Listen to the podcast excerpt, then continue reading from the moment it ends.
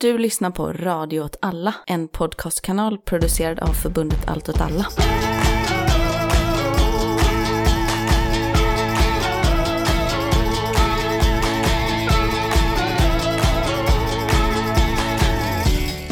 Hej och välkommen till Rörelse med mig Martin Hansson och med Rasmus Kahnbäck. Hallå, hallå! Du är tillbaka. Ja, det är jag väl alltid tillbaka för någonting känns det som. Ja. Den här gången eh, är det från Myanmar, eller vid gränsen till Myanmar i alla fall. Just det, du har fortsatt din kosmopolitiska resa genom att vara rotlös och, och eh, resa världen runt. Precis. Eh, nygift också, ska väl tilläggas den här gången. Så, så att jag, jag var på bröllopsresa till i Sydostasien. På riktigt? Eh, det och är sen- därför du har varit i Myanmar.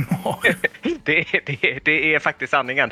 Eh, Så att eh, jag var på bröllopsresa och eh, som frilansjournalist måste man ju betala för, för den på något vis. Så att då åkte jag till gränsen till Myanmar. Ja, men herregud, det här slår ju... Det här borde vi ju stanna upp på. Vad tyckte din, din fru då om det? Jag gratulerar får jag men Ja, ja, ta- ja tack, tack. När vi gifte oss i, i, i augusti, hon sa att eh, om inte du blir dödad av juntan om du åker in så kommer jag döda dig om du kommer tillbaka från Myanmar.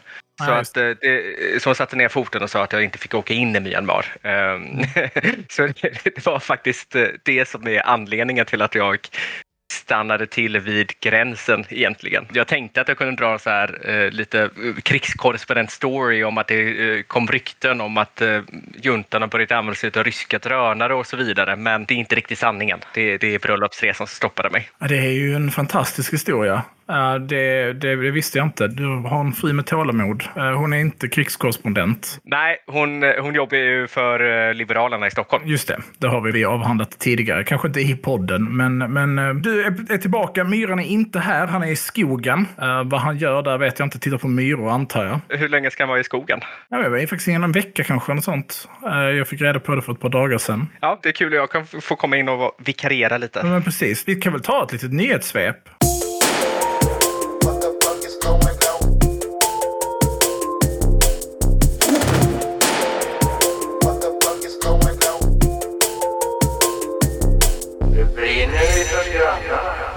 Då, eh, var ska vi börja någonstans? Du kan få välja. Ska vi börja i Palestina, Jordanien eller i Ukraina? Vad tycker du Rasmus? Men ska vi röra oss från Ukraina och sen eh, in i Jordanien för att avsluta i eh, Palestina? Absolut. Då eh, kan vi köra så där. Ukraina, det är väl lite så här, kommer ut mycket rykten. Eh, vi spelar in måndagen den 5 februari, så de här ryktena kan ju vara bekräftade eller fullständigt dementerade. Det var ju en ganska stor grej som hände under förra veckan att det ryktades att Zelensky skulle avsätta eh, överbefälhavaren för Ukrainas väpnade styrkor. Han skulle entledigas och istället så skulle chefen för underrättelsetjänsten ta hans plats. Och det ligger lite i linje med den diskussionen vi hade tidigare i podden, om det var förra avsnittet eller förrförra, att ifall västs stöd upphör till Ukraina, eller i alla fall minskar väldigt drastiskt, så kommer liksom inte Ukraina för den delen att sluta strida, utan det kommer mer troligtvis förändra karaktären av stridandet. Då förutspår jag att det skulle bli mer klandestina eller liksom, ja, icke-konventionellt sätt att strida på. Och då kan man ju tänka sig att det passar bättre att ha en före detta chef för underrättelsetjänsten som, eh, som innehar posten som överbefälhavare. Sen så är det väl också så att eh, den sittande eh, befälhavaren är ju en ganska omtyckt man, men han har ju fått ett gäng ja, misslyckande runt honom eh, som jag tänker att han förr eller senare kommer behöva liksom svara för. Bland annat så är det här med att mobiliseringen i Ukraina eh, inte just för tillfället går särskilt bra. Alltså de börjar få brist på infanteri till exempel. Inga akuta brister på det sättet, men det är i alla fall ett problem.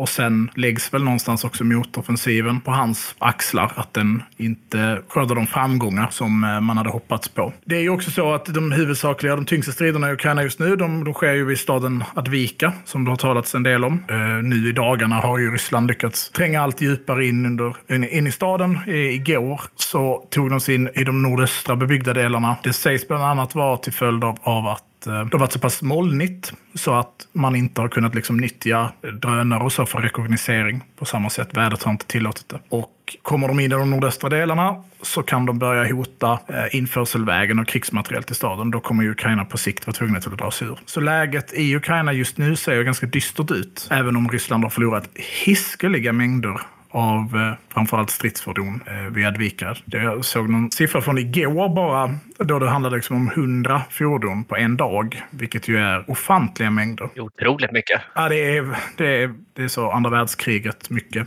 Det är väl också intressant för att det var ju många idéer om vad som skulle hända med Rysslands eh, militärindustri egentligen. I och med sanktioner och så vidare. Men än så länge så verkar ju inte det visa sig så tydligt på slagfältet. Även om de har, man har sett lite T55 och sånt som har tagits fram ur förråden så har de uppenbarligen stridsfordon nog för att anfalla. Sen har vi haft angrepp på lite oljeraffinaderier och sånt som jag också tycker ligger mer, det har ju skett tidigare, men den typen av angrepp tror jag att man kan räkna mer med ifall eh, Ukraina har svårare att eh, strida mer konventionellt eh, på grund av bristen på krigsmateriel från väst. Men de landade ändå i omvärlden, eller EU landade ju ändå att eh, efter mycket om och men i att fortsätta med det finansiella stödet till Ukraina efter att Orbán har, hade nästintill tvingats att gå med på hela stödpaketet. Du, du sa i början att omvärldens stöd kanske kan, kan, kan minska, tänker du dig? Har det med ÖBn att göra och sådana saker? Nej, jag tror att det, det är flera olika saker. En avgörande faktor är att västs krigsindustri inte har kapacitet nog att hantera ett konventionellt krig. Det görs åtgärder åt det och det har gjorts åtgärder åt det. De har varit ganska senfärdiga så att det finns helt enkelt inte så mycket krigsmateriel att ge. Och pengar kan du ju köpa saker för. Men som marknaden ser ut just nu och då ska man komma ihåg att Israel och Palestina-konflikten spelar också en viktig roll i det här. För att det är, inte helt, men till viss del, samma typer av krigsmateriel som efterfrågas. Vi lever ju liksom i en rustningstid just nu, där många länder eh, försöker rusta. Alltså, alltså, Norge till exempel skulle utöka sin granatproduktion, dubblera, mer än dubblera sin, sin granatproduktion. Men de här stödet som har lovats från väst eh, och Kanada bland annat och andra länder i, i mängder, då framförallt sån basic saker som, som granater till artilleriet, har ju uteblivit. Man har lovat flera hundratusen och så har man kanske levererat 50 000 då. Och man säger att ja, vi har året på oss att göra det för att fortfarande hålla vårt löfte.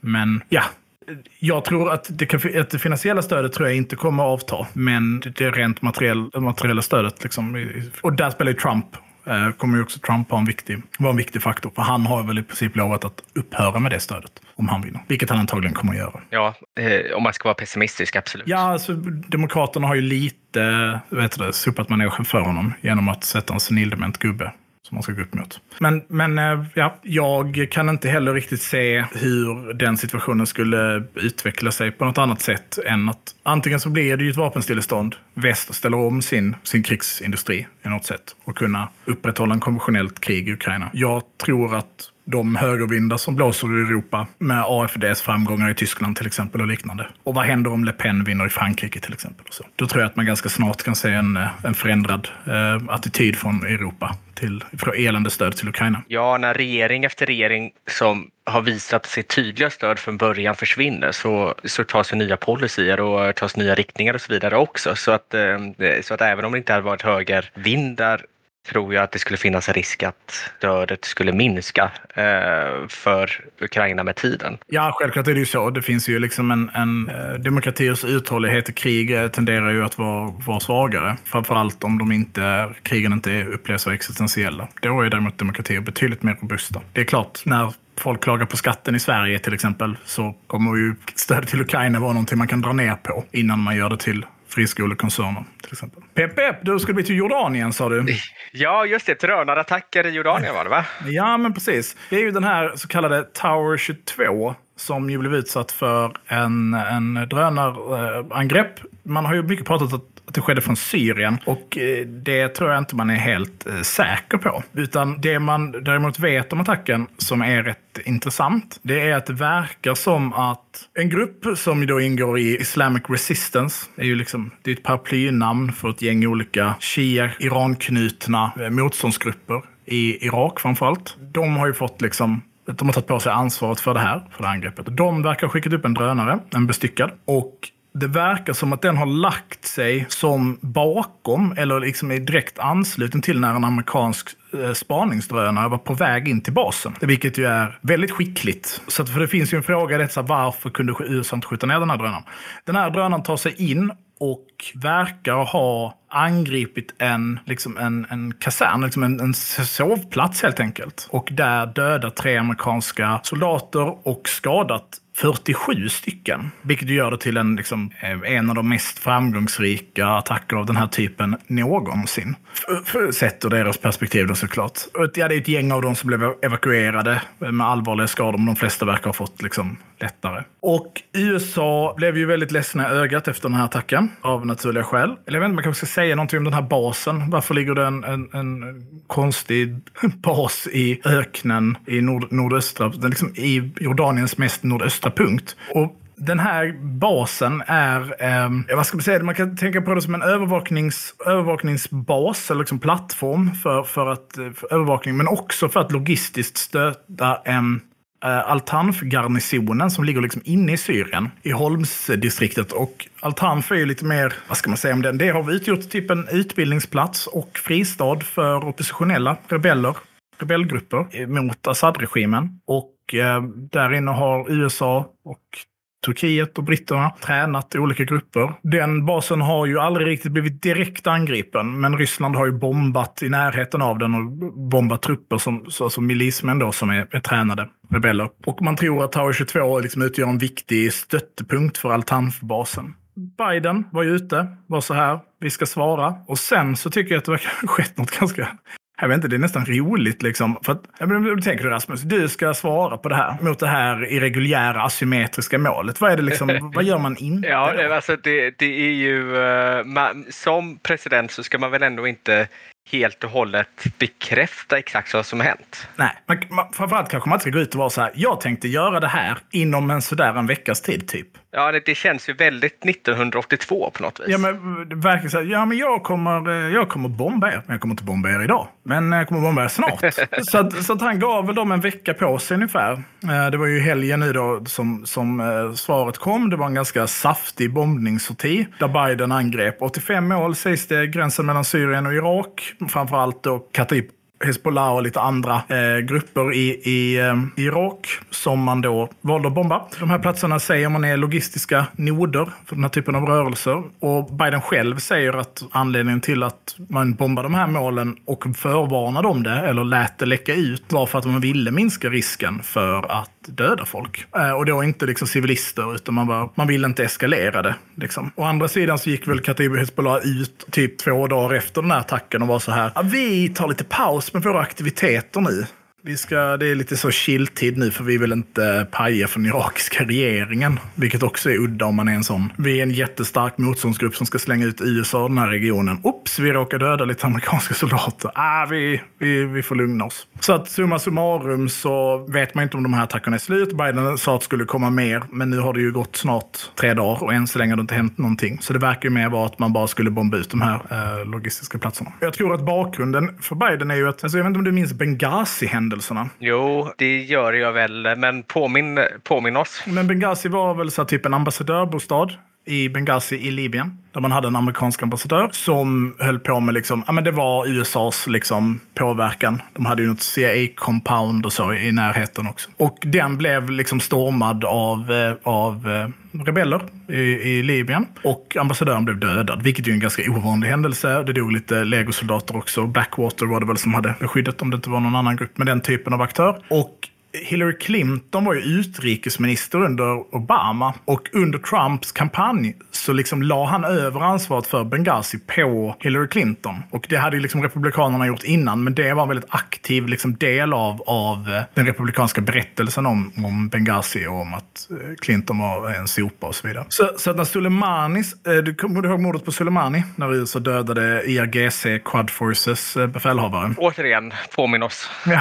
Ja, men Quad Forces då, eh, den här, eh, vad ska man säga, Irans CIA kanske. Lite så, klandestina operationer, håller på med, utbildar eh, motståndsgrupper, den här Axis of Resistance och så. Eh, Syrien, Irak och, och Jemen och så vidare. Typ 2016, 2015 eller något liknande va? Ja, precis. Då är det så i alla fall att det är fan senare, är det inte typ 2019? Ännu Skitsa- senare. Ja. Ja, skitsamma. Eh, bakgrunden är motståndsgrupper i Irak har skjutit raketer på Ba- amerikanska ambassaden i Bagdad. Jag tror inte det dör någon, men det blir liksom, folk blir skadade och det är liksom allvarligt. Då svarar Trump med att döda eh, Soleimani. som ju är liksom en i, så här, i en drönarattack när han åker i Bagdad. Han är på väg till flygplatsen i Bagdad. En av anledningarna till att det här är en ganska stor grej och riskerar ju liksom att eskalera extremt mycket mellan USA och Iran. Men en av anledningarna till att han gör det är för att han liksom vill undvika att få ett eget Benghazi. Där det liksom, han framstår som svag. Och Ironiskt nog så svarar ju Iran i sin tur med att skjuta ballistiska robotar på en amerikansk armébas. Det svarar aldrig USA på. Just det, det höll ju på att eskalera ordentligt eh, där i Persiska viken. Precis, men det är Iran som gör den sista grejen. Och sen backar liksom USA ner. Intressant nog med den händelsen är att Iran gör lite som Biden gjorde. Att de ringer liksom Iraks regering och jag sa, alltså vi kommer skjuta ballistiska robotar på den här basen. Så få bort det personal därifrån för vi vill liksom inte döda irakier. Säger man. Men den riktiga förklaringen är antagligen, vi vill skjuta ballistiska robotar, men vi vill inte råka ha ihjäl massa amerikaner. Så vi visar oss starka, vi skjuter ballistiska robotar på de här målen. Men effekterna blir inte jättestora. Så det känns ju som att det finns någon liksom bakom, bakom kulisserna på något sätt eh, förhandlingar här då. Ja, det är, ju, det är ju lätt att bli konspiratorisk när det sker sådana här saker på det viset. Ja, eller så var det inte så konspiratoriskt som i att Irak, de tänkte ringer vi Irak och säger detta så kommer liksom USA få reda på det. Och då kommer de dra undan sin personal. Då kommer vi inte råka döda någon. Så nu känns det ju som att den här Tower 22-händelsen har lite skett. Uh, än så länge ser vi väl liksom inga stora drag mer än att USA har genomfört den här bombkampanjen. Man hade så betor och sånt med, vilket är lite ovanligt. Men, uh, Det var väl rätt mycket rykten i början om eh, att det skulle ha med eh, situationen vid Adenkusten att göra, va? Eller med Houthi-rebellerna och så vidare. Ja, där, där är det ju också fullt eh, show med USA som bombar lite. Men, eh, men jag tänker att det här var väldigt tydligt att för även efter den här bombningen så gick liksom Biden ut och sa Nej, men nu har vi svarat lite. Vi kommer att svara mer, men, men det här, nu har vi gjort det. Okej, Palestina. Ja, det har ju eh, varit en het debatt senaste veckan om eh, biståndet till UNRWA, UNRWA får man väl kalla det. UNRWA. Va? Ja, precis. Dumt namn, dum förkortning. Ja, och ja, jag vet inte. Vad är liksom kritiken? Kritiken är att den här biståndsorganisationen då, som ju där är United Nations Relief and Works Agency for Palestinian Refugees in the Near East, att den då ska vara i kahoot med Hamas på Gaza specifikt då. Och att dagen efter International Court of Justice, ICJ, gick ut och sa Israel måste göra lite grejer för att de inte ska bli folkmord. Skärp er, typ. Då gick Israel ut och sa typ fem personer i den, det FN-organet eh, deltog i attacken den 7 oktober. Många som jobbar i den organisationen är också släkt med folk som har kopplingar till Hamas. Bara, ja, det är väl inte så förvånande. Nej, det är ändå en eh, ganska liten yta och, eh, och otroligt många anställda. Så att det, är väl inte, det är väl inte någon... eh, Det gör ju att eh, det är väldigt lätt att vara släkt eller kompis eller barndomsvän eller, Eller gift Eh, med någon eller liksom. eller gift eller, eller vad nu är liksom, som skulle kunna vara kopplat till, till eh, Hamas på, eh, i mer eller mindre utsträckning. Nej, det blir liksom lite märkligt. Så, Åh nej, de som utförde attacken, de hade ett jobb. Alltså, för det är ju det. En handfull av personerna som deltog i attacken hade ett av få jobb man kan ha i Gaza. Det känner jag var hela nyheten. Och svaret blev därför så ska vi strypa alla pengar till den typ endast riktigt stora biståndsorganisationen. FNs generalsekreterare eh, Guterres har ju gått ut och sagt att Eh, det är ju en, det är en fullständig katastrof om man skulle strypa mm, biståndet till den här organisationen och att de har mycket de ska jobba på men när det ändå finns någon form av fortsatt förtroende för de har gjort så pass mycket grejer, eh, den här organisationen. Och eh, att i princip allt, all humanitär hjälp i eh, Gaza mer eller mindre går genom den här organisationen och det inte finns riktigt några alternativ. Dessutom har det väl också kommit ut att, eh, som du sa här i början, att det, att det är ju israeliska källor som har uppgivit att det är på detta viset obekräftade israeliska källor dessutom. Så att det är ju väldigt, det är ju eh, lösa grunder om man nu skulle ta någon form av faktaunderbyggt beslut på att strypa biståndet eh, så är det ju lösa grunder som drabbar människor på ett otroligt sätt. Ja, vad var det? Sida höll tillbaka 32 miljoner. Det var väl något sånt som de, de frös nu samtidigt som det här då ska utredas. Jag tror bara att man ska liksom vara medveten om att det pågår ju svält i Gaza.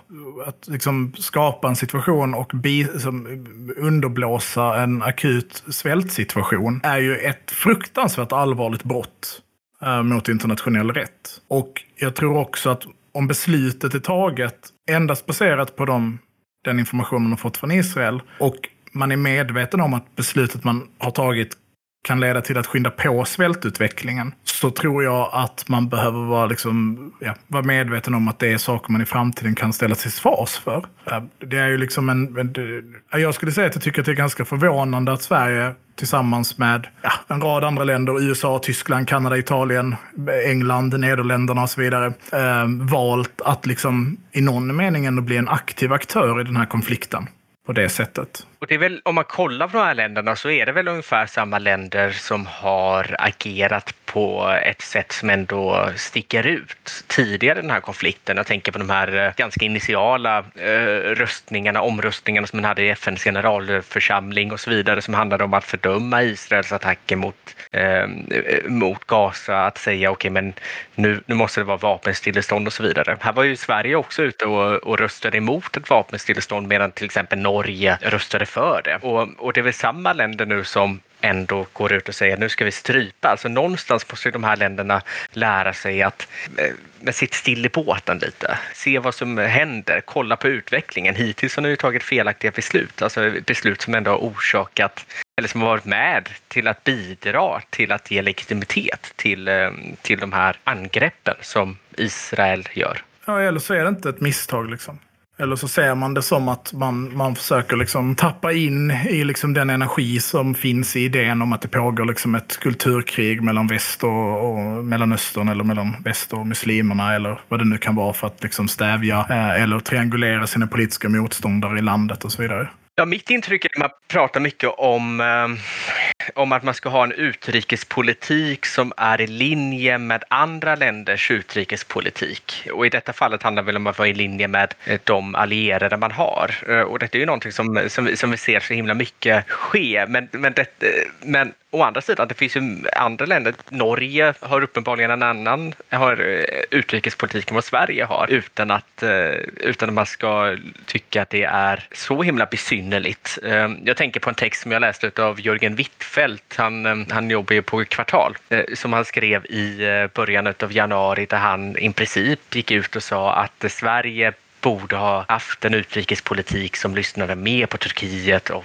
eh, Ungern från första början. Vi kan inte gå ut och stötta eh, PUD och PKK och så vidare. Liksom. Och, och hela det här narrativet är någonting, det känns som att det är någon väckelse som har skett eh, helt plötsligt där, man, där, där det börjar gå upp för människor att vad utrikespolitik faktiskt går ut på eh, bland allmänheten. Och, och sånt här uppstår ju ofta när man har konflikter, när man har Ukraina eller där det finns konflikter där det Eh, som Israel och Palestina som, där det finns olika sidor man kan kolla på, kolla på den och det finns åsikter om hur man ska bedriva politiken kring det här eh, på något vis. Eh, och även med NATO-frågan. Eh, och, och här har ju Sverige uppenbarligen valt en väg som är som är eh, sticker ut från hur stora delar av både västvärlden och övriga världen faktiskt kollar på Israel och Palestina. Ja, alltså jag, jag tänker väl också att, eh, precis som du säger, så, så är det ju inte liksom skrivet i sten.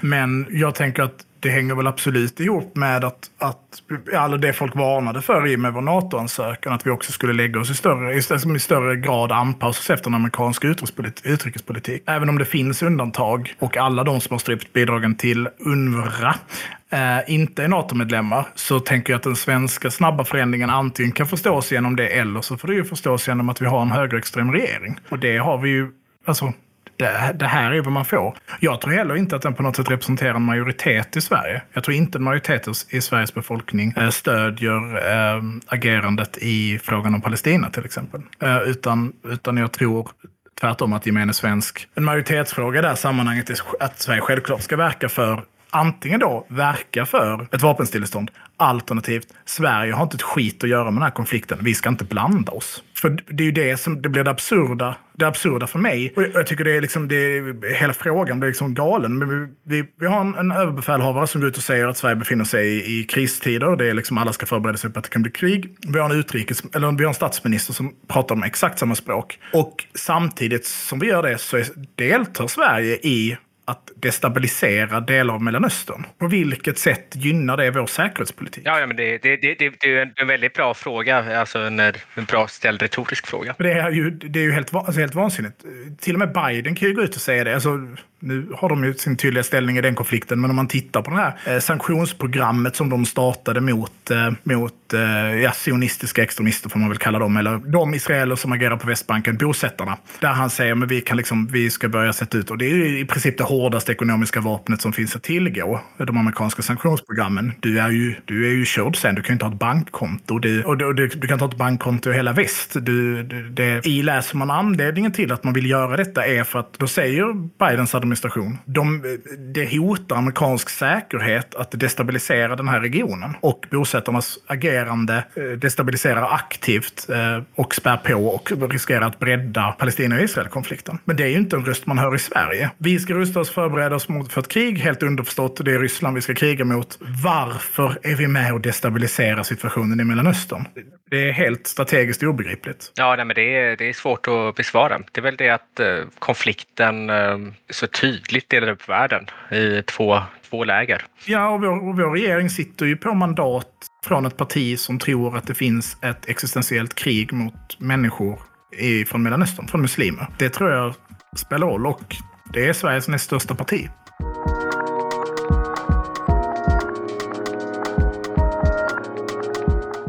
Du har kommit hem från din bröllopsresa till Myanmar. Nu vill jag ju veta allt du har varit med om. Man kan också läsa om eh, mycket av det du har upplevt på Blankspot, tidningen som du arbetar för. Precis. Nej, men det- det ska väl sägas att, eh, att min fru hon åkte hem en vecka innan mig. Eh, Så att jag fick eh, åka till... eh, eh, Jag fick åka upp till gränsen själv eh, och jobba. Det hade nästan varit roligare om det hade varit din svensexa. Ja, eller hur? ja, det här var roligt. Ja. Så, så roligt hade vi, ska vi inte ha det. Men det var var faktiskt jättespännande för att jag var i, eh, jag var i Myanmar första gången 2010. Eh, första och enda gången eh, 2010. Och detta var ju eh, innan, eller det var precis i det skedet när Myanmar faktiskt höll på att luckras upp. Och det är säkert många som känner, känner igen det. Alltså när man kollar på de här bilderna från Myanmar med fredspris, fredspristagaren Aung San Suu Kyi som blev frisläppt 2011 ur fängelset och de här åren innan var U2, U2 ute på en rockturné och spelade låtar till hennes ära för hon skulle komma ut och man kom med en ny konstitution 2008 som då skulle bli någon form av demokratiseringsinitiativ i Myanmar. Ehm, nu ska man väl ha sagt att det inte var så många som trodde på att det skulle demokratiseras. Men jag var ju i Myanmar då 2010 och eh, i den nya konstitutionen från 2008 så beslutade man att eh, man skulle byta ut flaggan. Och då hade man ett arbete under de här två åren att eh, ta fram en ny flagga. Och då råkade jag komma till landet precis den veckan när man bytte ut flaggan. Och eh, då beslutade militären, som fortfarande hade makten i landet, att alla de gamla blåröda flaggorna, de skulle brännas. Så att när man åkte omkring där i Myanmar så såg man människor som brände flaggor. Och så hängde man upp nya flaggor, eh, vilket var ganska eh, besynnerlig syn. Jag hade en liten rolig upplevelse också kring det här. Att jag, jag åkte en nattbuss från norra Myanmar, Mandalay-regionen, ner till Yangon, eller Rangoon som det kallas ibland, och skulle flyga hem på eftermiddagen. Och då klev jag av bussen på morgonen, var svintrött efter att inte ha sovit på hela natten och letade bara efter någonstans att eh, vila för att kunna då flyga iväg senare på kvällen.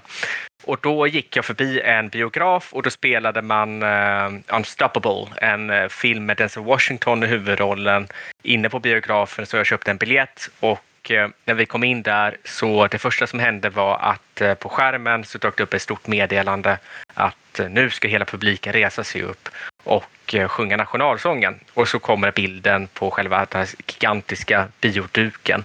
Och så är det en jättebilligt och dåligt filmad eh, flagga eh, av den nya flaggan, för de hade ju inte den gamla flaggan. Förmodligen var det så att den gamla flaggan hade vajat jättefint tidigare, men nu skulle man hedra den nya flaggan. Och då hade de i eh, bio, biopersonalen hade förmodligen bara filmat en liten bordsflagga som de hade fått tag på och så såg man liksom en fläkt i, i ena änden av den, av, av den här bioduken som blåste liksom på den här bordsflaggan och så skulle alla stå upp och sjunga nationalsången inför den här bordsflaggan. Eh, och det adderades någonting utav att det var ingen som riktigt kunde nationalsången heller. Så de stod där och försökte nynna med liksom kring den här pompösa musiken när man kollar på den här, eh, eh, på den här eh, bordsflaggan. Och det finns ju den här krocken liksom i det här i, i, en, i ett land som ska vara så himla stolt och det ska drivas av militären och så kan de ens inte få till en riktig flagga. Men, eh, men det som jag vill ha sagt med det här, detta hände ju liksom 2010, hösten 2010 och jag har hela tiden tänkt att jag vill, jag vill åka dit tillbaka, jag vill kanske skriva om det, något liknande och följa upp vad som händer. Så jag har hela tiden följt det lite så här lite eh, lågintensivt utvecklingen i Myanmar och 2021 var det ju en, var det ju en militärkupp som gjorde att hela den här demokratirörelsen föll samman igen och militären gick in och tog över, tog över makten i landet och man avsatte Aung San Suu Kyis regering och så vidare. Och nu då så valde du att åka dit igen. För hur är läget där just nu? Det är ju Alltså anledningen till att jag kom nu var ju för att det var tre år sedan som eh, militärkuppen skedde. Och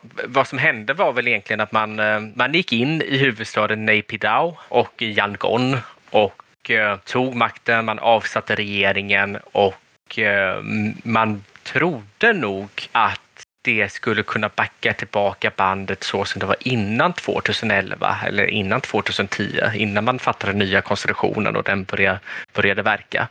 Men människor hade blivit vana.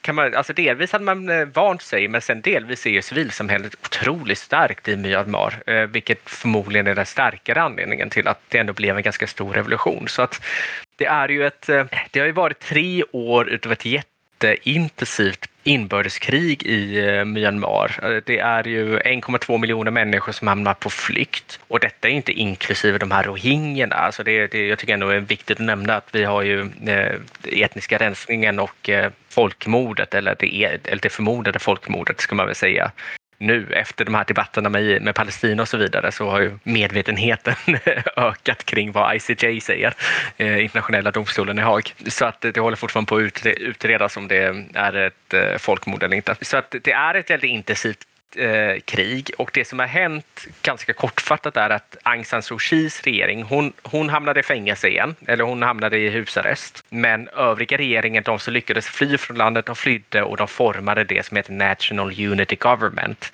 eh, NUG, NUG. Och de har då bildat en form av skuggregering och man har också bildat en civil motståndsrörelse och en väpnad motståndsrörelse. Och de, båda de här bitarna är lika viktiga. Eh, så att man har en rebellarmé nu som heter Folkets försvarsarmé eller People's Defense Forces. Man har en civil rörelse som består av uppemot 400 000 människor som har gått ut i massstrejk i Myanmar. Och det här kan man ju läsa om i mina reportage lite mer om, om vad de faktiskt gör för någonting. Men det, det tycker jag är en ganska spännande del att de ändå har valt att okay, men där, där, vi kan ha en, eh, en fredlig motståndsrörelse så kommer, göra, så kommer smärta den här militärjuntan så kommer vi ha den. Så det är ju statsanställda som då gått i den här stora strejken i tre år. Man tänkte sig att det bara skulle vara i kanske två månader, men det, den fortsätter fortfarande. Ja, det är ju, det är ju en, liksom en väpnad konflikt som inte får sådär jättemycket uppmärksamhet. Eh, den är, det är väl liksom också på grund av, av att folk har jävligt dålig koll på landet och folk i väst har väl ingen jätte, jättestark relation till det. Men också tänker jag för att det, den rörelse som, som bruk, eh, som brukar lyfta upp den här typen av situationer är ju, är ju vänstern. Men för vänsterns del så har ju liksom relationen till, till Burma och, och senare till Myanmar eh, varit ganska komplicerad. Eh, det är ju inte så här jättestrikt en amerikansk ledd junta. Utan den har väl varit på något liksom konstigt sätt en jag tror väl att de själva kallade sig socialister under en period. Och nu är det då ett fruktansvärt rörigt inbördeskrig. Att liksom läsa på om det, jag har varit intresserad av det ett större tag, inte minst efter att rebellrörelsen började ordentligt gå på offensiven, så är det ju verkligen ett lapptäcke av rörelser. Vilket ju egentligen bara borde göra konflikten mer intressant eftersom att den, ja jag vet inte, den, den liksom på något sätt, de här länderna med så många minoritetsfolk som har varit underställda eller försvagade på något sätt i relation till, till central, den, i relation till staten så kan man ju se hur, liksom, ja, men jag vet inte hur många grupper man tänker det som är starka aktörer, men vadå? 10 till 20 olika väpnade grupper som håller mer eller mindre territorier på sina ställen. Liksom. Ganska ofta formade utefter etniska, etniska liksom, eh, gränser på något sätt. Ja, verkligen. Alltså, kolla på en karta. Att det, det finns några sådana här kartor. Om man går typ in på Wikipedia så, eh, så finns det mm,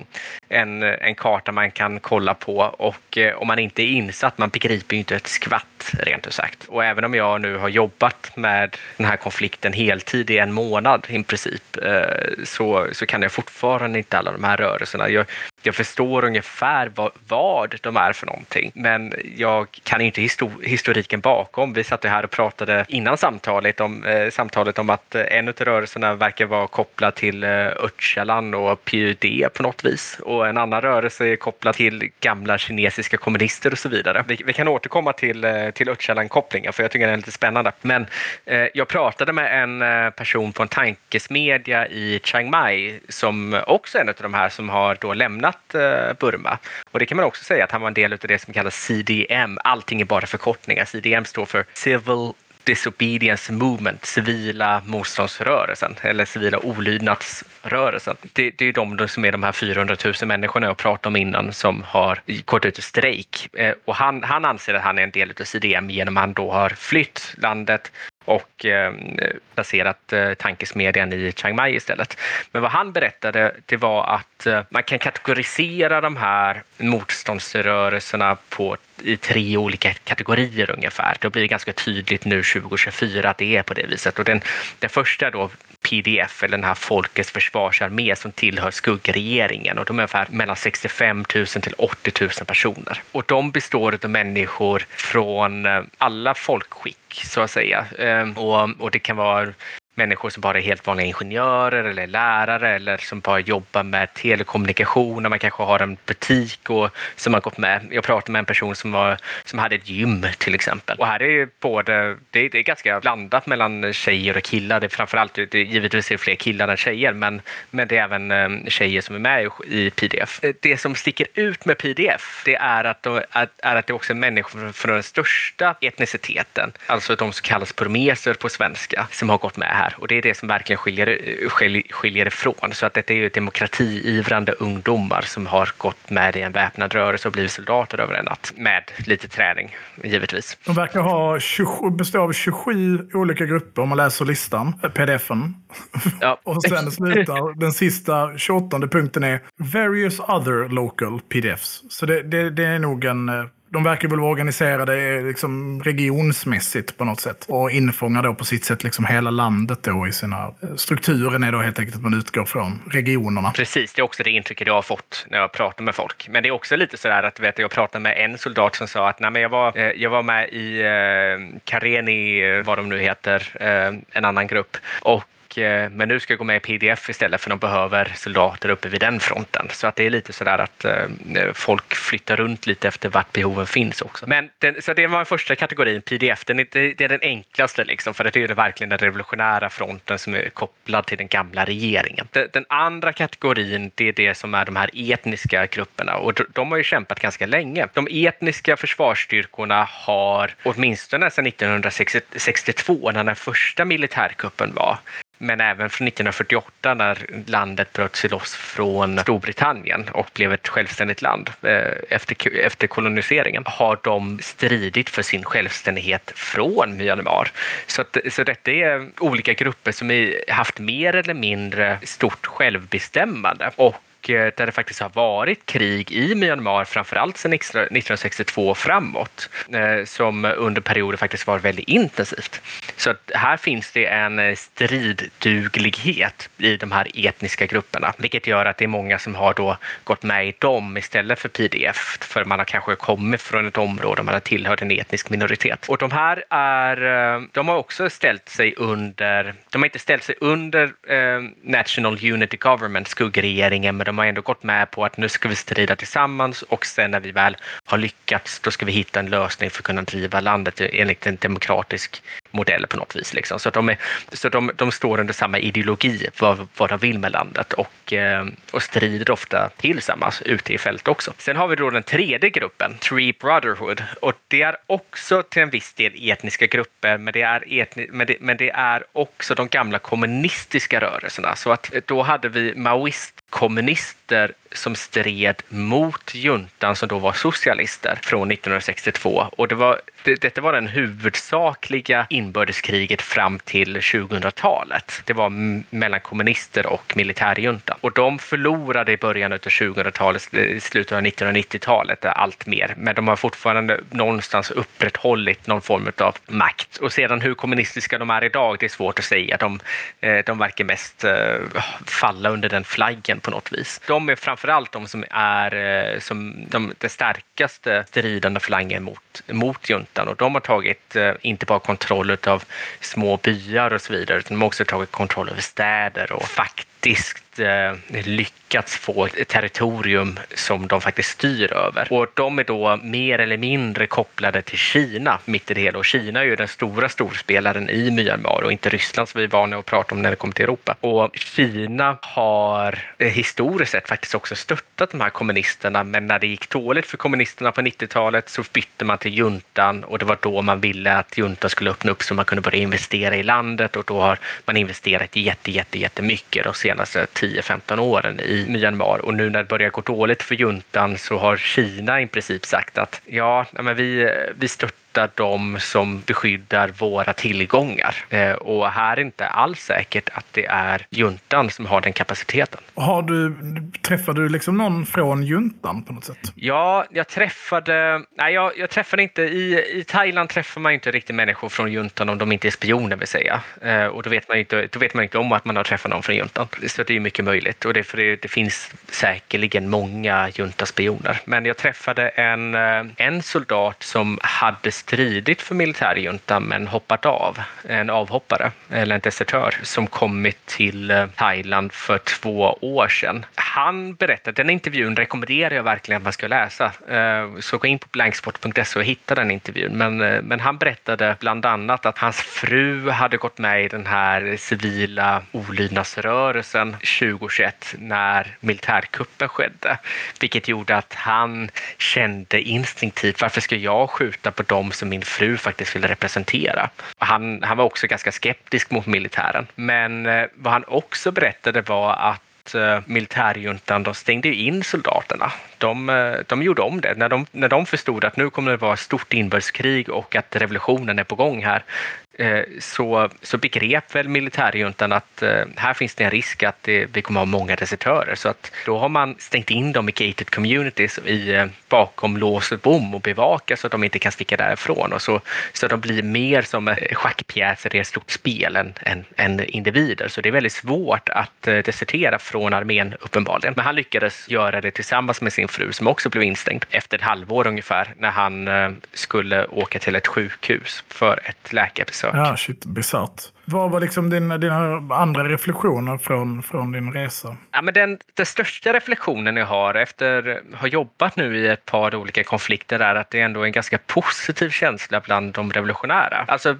vad jag menar med positiv är ju inte att det, deras familjer lider givetvis eh, för att de inte eh, de, de är ute i strejk och får massa repressalier och så vidare. Men det finns liksom ändå en framtidsanda, vilket jag tyckte var ganska spännande att, eh, att prata med människor om. Alltså, även om jag åkte till en klinik där de hade fått amputera ben och så vidare så sa de att ja, men det, det här är ju liksom, det är nu eller aldrig. Liksom. Om vi lägger ner vapnen så kommer, det, kommer inte revolutionen att lyckas och vi vill inte ha den här militärjuntan. Och det verkar vara så otroligt många människor som vill bli av med militärjuntan, vilket är utifrån mitt perspektiv som jobbar mycket med Azerbajdzjan är det, det, är, det är ganska upplyftande att höra att man träffar människor som verkligen är insatta i vad alternativet kan vara. Alltså det här demokratiska alternativet på något vis. Fanns det några konkreta liksom, visioner? Det är ett land med många etniska grupper. Det, är det liksom, föreställer man sig federalism eller vad är det för typ av eh, Myanmar man tänker sig efter att man har besegrat juntan? Alltså, men delvis är det ju så att den här regeringen som blir avsatt av militärjuntan, många av dem lyckades ju fly.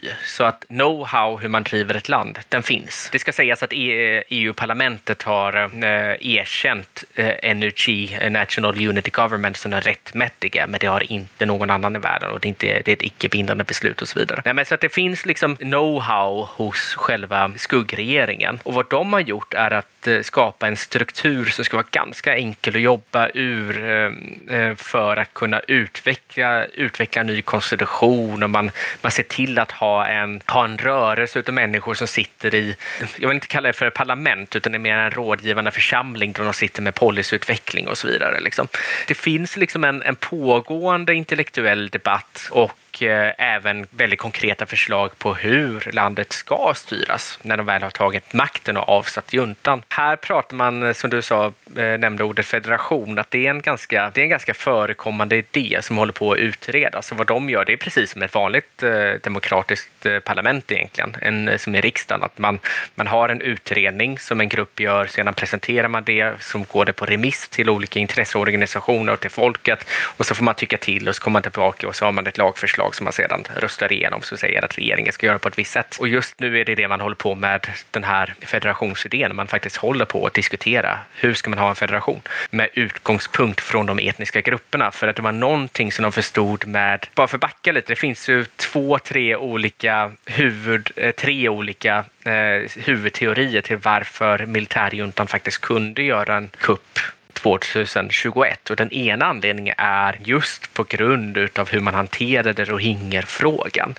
För att med det, när Aung San Suu Kyi stod i internationella brottmålsdomstolen i Haag och försvarade militärjuntans folkrättsbrott kring rohingyer så eh, lämnade ju omvärlden landet ganska hastigt. Man vill inte ha någonting med henne att göra i så fall. Och det gjorde ju att hennes ställning helt plötsligt försvann. Den försvagades jättemycket internationellt, även om den fortfarande var stark nationellt. Och det gjorde att militärjuntan såg att här kan man faktiskt göra militärkupp utan att omvärlden kommer säga till så mycket eh, om vad som sker. Den andra anledningen var att internetboomen, att eh, människor såg vad som hände runt omkring och det är någonting som den här killen som jag pratade om, eh, desertören, också pratade om. Och den, och den tredje anledningen är eh, att det nationella stödet för, för Aung San Suu Kyi och den här regeringen, det bara växte och växte och växte så militärjuntan fick mindre och mindre makt så att man ville göra sig av med dem helt enkelt. Men vad tror du, liksom den här skuggregeringen då, hur förhåller de sig till det som hände med rohingyerna? Det vet jag inte. Jag ska inte säga för mycket om det. Jag vet att det finns ehm,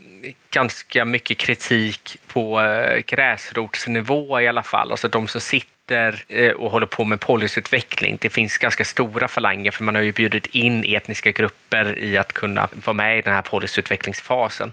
Men sen samtidigt har jag också pratat med någon person som sa att 65 procent av Myanmars befolkning, de är burmeser. Sedan är, när det väl kommer till kritan så är det fortfarande burmeserna som faktiskt styr någonstans. Att eh, det sitter djupt rotat den här någon form av ingrodda rasismen och detta är ju ett problem som de verkligen har men, som en, men där det finns en ökad medvetenhet om så som jag förstår det. Jag ser här att de har en minister i sin skuggregering som är Rinja och verkar själva ha liksom någon typ av linje i hur man ska återge den marken som de har blivit fördrivna ifrån och så vidare. Så det verkar ju vara en, en faktisk fråga på något sätt. Uh, I alla fall då från NUG officiellt sett. Ja, jag träffade av en händelse så, så åt jag lunch med en person, en aktivist eh, som då eh, hade bjudit in människor från de olika religiösa samfunden. Så att det var väl en 15 olika personer som var där och där var också rohingyer med eh, som var representerade. Där man satte sig ner och pratade om hur de religiösa samfunden ska samverka kring revolutionen. Okej, okej. Men någon, eh, någon annan tanke, liksom, hur ser stödet idag ut? Vilket land stöttar juntan? Eller är de liksom isolerade? Sverige har väl eh, slutat sälja Carl Gustaf till dem nu. Det gjorde man väl strikt sett på 80-talet, eh, sista gången man sålde dem direkt. Sen verkar det mest vara Singapore som har vidare eh, och till Indien eh, till, till någon del verkar det i alla fall varit också. Tändrör från, från Indien och, och granater från Singapore tidigare. Men har de liksom någon bundsförvant? Alltså de har, eh, Ryssland är ju på juntans sida och de eh, köper fortfarande vapen från Ryssland. Eh, det är ju intressant med de här Carl Gustaf att de ändå förekommer än idag. Både du och jag reagerade ju på något inlägg som vi såg någonstans att här, här, här, här hävdade en av motståndsrörelsen eller de etniska grupperna att de hade hittat massa, eller att de hade kommit över ett massa Carl Gustaf. Eh, sen vet De jag såg dock inte. jävligt slitna ut ska sägas, så de kan nog ha varit med. Det var inte inte någon senaste modell, om man säger så. Nej, men, men, men när det kommer till vapen, eh, det, det vet du, du också, det är, väldigt, det är ett eh, ganska käckt sätt att eh, kolla på allianser liksom, ute i världen. Så att Ryssland, Indien och Kina verkar vara de som är de stora vapenleverantörerna till, till juntan. Och sen förekommer det några mindre vapenleverantörer, typ Israel fortsatt fortsatte sälja vapen till juntan kommer det fram en jätteskandal här i höstas eh, fram till i alla fall 2022, kanske en bit in på 2023 också. Det är så jävla konstigt. Alltså. Ja, Okej, varför liksom? Men ja, money talks. Så är det nog. De har ju en ganska stor inhemsk vapenproduktion också, ska sägas. Myanmar gör mycket eh, egna varianter på ja, västerländska vapen också för den delen. Men precis som du säger så verkar både Ryssland och Kina vara en stor exportör. Ja, så att eh, formellt är det väl alltså bland internationella vänner så är det bland stormakterna så är det väl Kina. Sedan Indien är mer, mer vi kan tjäna pengar på Myanmar. Vi, vi struntar väl vad som händer i det landet ungefär. Eh, Ryssland samma sak, men de, de verkar ändå stå på juntans sida. Och eh, detta är ju någonting som syns även i säkerhetsrådets förhandling, förhandlingar och sådana saker. Men i och med Kina inte är helt och hållet övertygad över juntan så har det skett en del kompromisser kring eh, förhandlingar i FN och så vidare där USA faktiskt har tagit tag i den kinesiska delegationen och sagt att nu måste vi komma fram till någonting här. Vi måste, ni måste släppa fram en resolution och så vidare. Vilket också har hänt med informella förhandlingar bakom lyckta dörrar. Liksom. Så att eh, min, eh, det, eller, alltså, mitt intryck är att eh, de revolutionära rörelserna, de, de tar mer och mer mark. För tre år sedan hade de ungefär en tredjedel av landet. Nu är det kontrollerar de ungefär halva landet. Och den stora skillnaden de senaste månaderna, de hade en stor offensiv, det är att de tagit kontroll över fler och fler städer och ganska viktiga strategiska ytor. Dessutom har de tagit kontroll över eh, vapenförråd som har lite mer högteknologiska eh, vapen än vad de hade tidigare. Och de här vapnen säger de att Free Brotherhood-alliansen kan hantera. Jag, jag, jag började kolla vidare på den här listan av vapen. Det är ganska spännande. Ukraina verkar ha exporterat en del vapen. Framförallt pansarvärnsrobotar. För ett vapen som är, gick i produktion eller i tjänst 2011 i den ukrainska armén. Vilket är speciellt. Men eh, det behöver man väl inte fastna i. Men eh, annars är det verkligen som du säger. Det är ett hopplock av... eh, av eh, de verkar köpa mycket olika eh, fordon och vapen av många olika länder. Ja, men det är väl det som är väl intressant. Det är väl också så här... Myanmars ekonomi, liksom. Jag vet att de är en stor opiumproducent. Men, men var, liksom, var kommer pengarna ifrån? Är de liksom ett sånt låglöneland som andra i regionen? Är det liksom textilindustrin? Eller vad, vad exporterar Myanmar? Ja, alltså de har ju otroligt mycket råvaror eh, i landet. Koppar, va? Ja, koppar, guld, alltså det, det, det är det ena med det andra. Så, det, så att Kina har verkligen, det var en av de stora anledningarna till att man faktiskt ville luckra upp landet 2010-2008 för att man ville släppa in utländska aktörer för att kunna investera i landet och eh, tjäna pengar i egna fickor. Men Kina har ju verkligen de senaste åren investerat jätte jättestora summor. När jag kollade på FNs statistik över ehm, exportutvecklingen för Myanmar så har de ju haft en eh, stadig ökning på vad är det, 15 procent per år. Så de har ökat liksom i 15 års tid nu. Så att ehm, det, det är verkligen ett, ett land som har mycket eh, råvaror framför allt. Och ehm, jag tolkar det inte som att man har sådär supermycket egen produktion. Så, så de är liksom en råvaruproducent i första hand. Okej, men då, då tar vi och avrundar där. Vi, har, vi är uppe i en bit över en timme. Ta och läs artiklarna på Blankspot. Jag ska se till att försöka få dem länkade i, i avsnittsbeskrivningen. Annars går ni bara in på blankspot.se SE. d.se uh, och, eh, och läser. Alltid kul att ha det med. Är det något annat du vill göra reklam för? Nej, inte just nu, utan det det är de tre nu när vi snackar Myanmar. Är det något eh, du vill göra reklam för? Du skrev någon artikel här eh, innan vi skulle podda, sa du till mig. Ja, nej men precis. Nej, men den dyker väl upp. Jag skrev om, om, eh, om svält som vapen. Kanske ganska mycket min prata här som jag skrev till en textform istället. Så om inte den är publicerad innan så är den säkert publicerad när det här avsnittet släpps. Tack så jättemycket för att ni har lyssnat allihopa. Man kan följa oss på sociala medier. Man kan följa mig på Twitter, eller X. Där heter jag Trojkan1337. Och du heter Rasmus Kahnback. Kahnback Rasmus. Just det, det är andra hållet ja. Kahnback Rasmus. Och man kan följa oss på Facebook, där heter vi Eld och rörelse. Man kan följa oss på Instagram, där heter vi eld.och.rörelse. Bli Patreons. Tack för att ni lyssnade. Ha det gott! Läs eh, reportagen på blankspot.se. Eh, det är tre stycken. De är öppna för eh, allmänheten.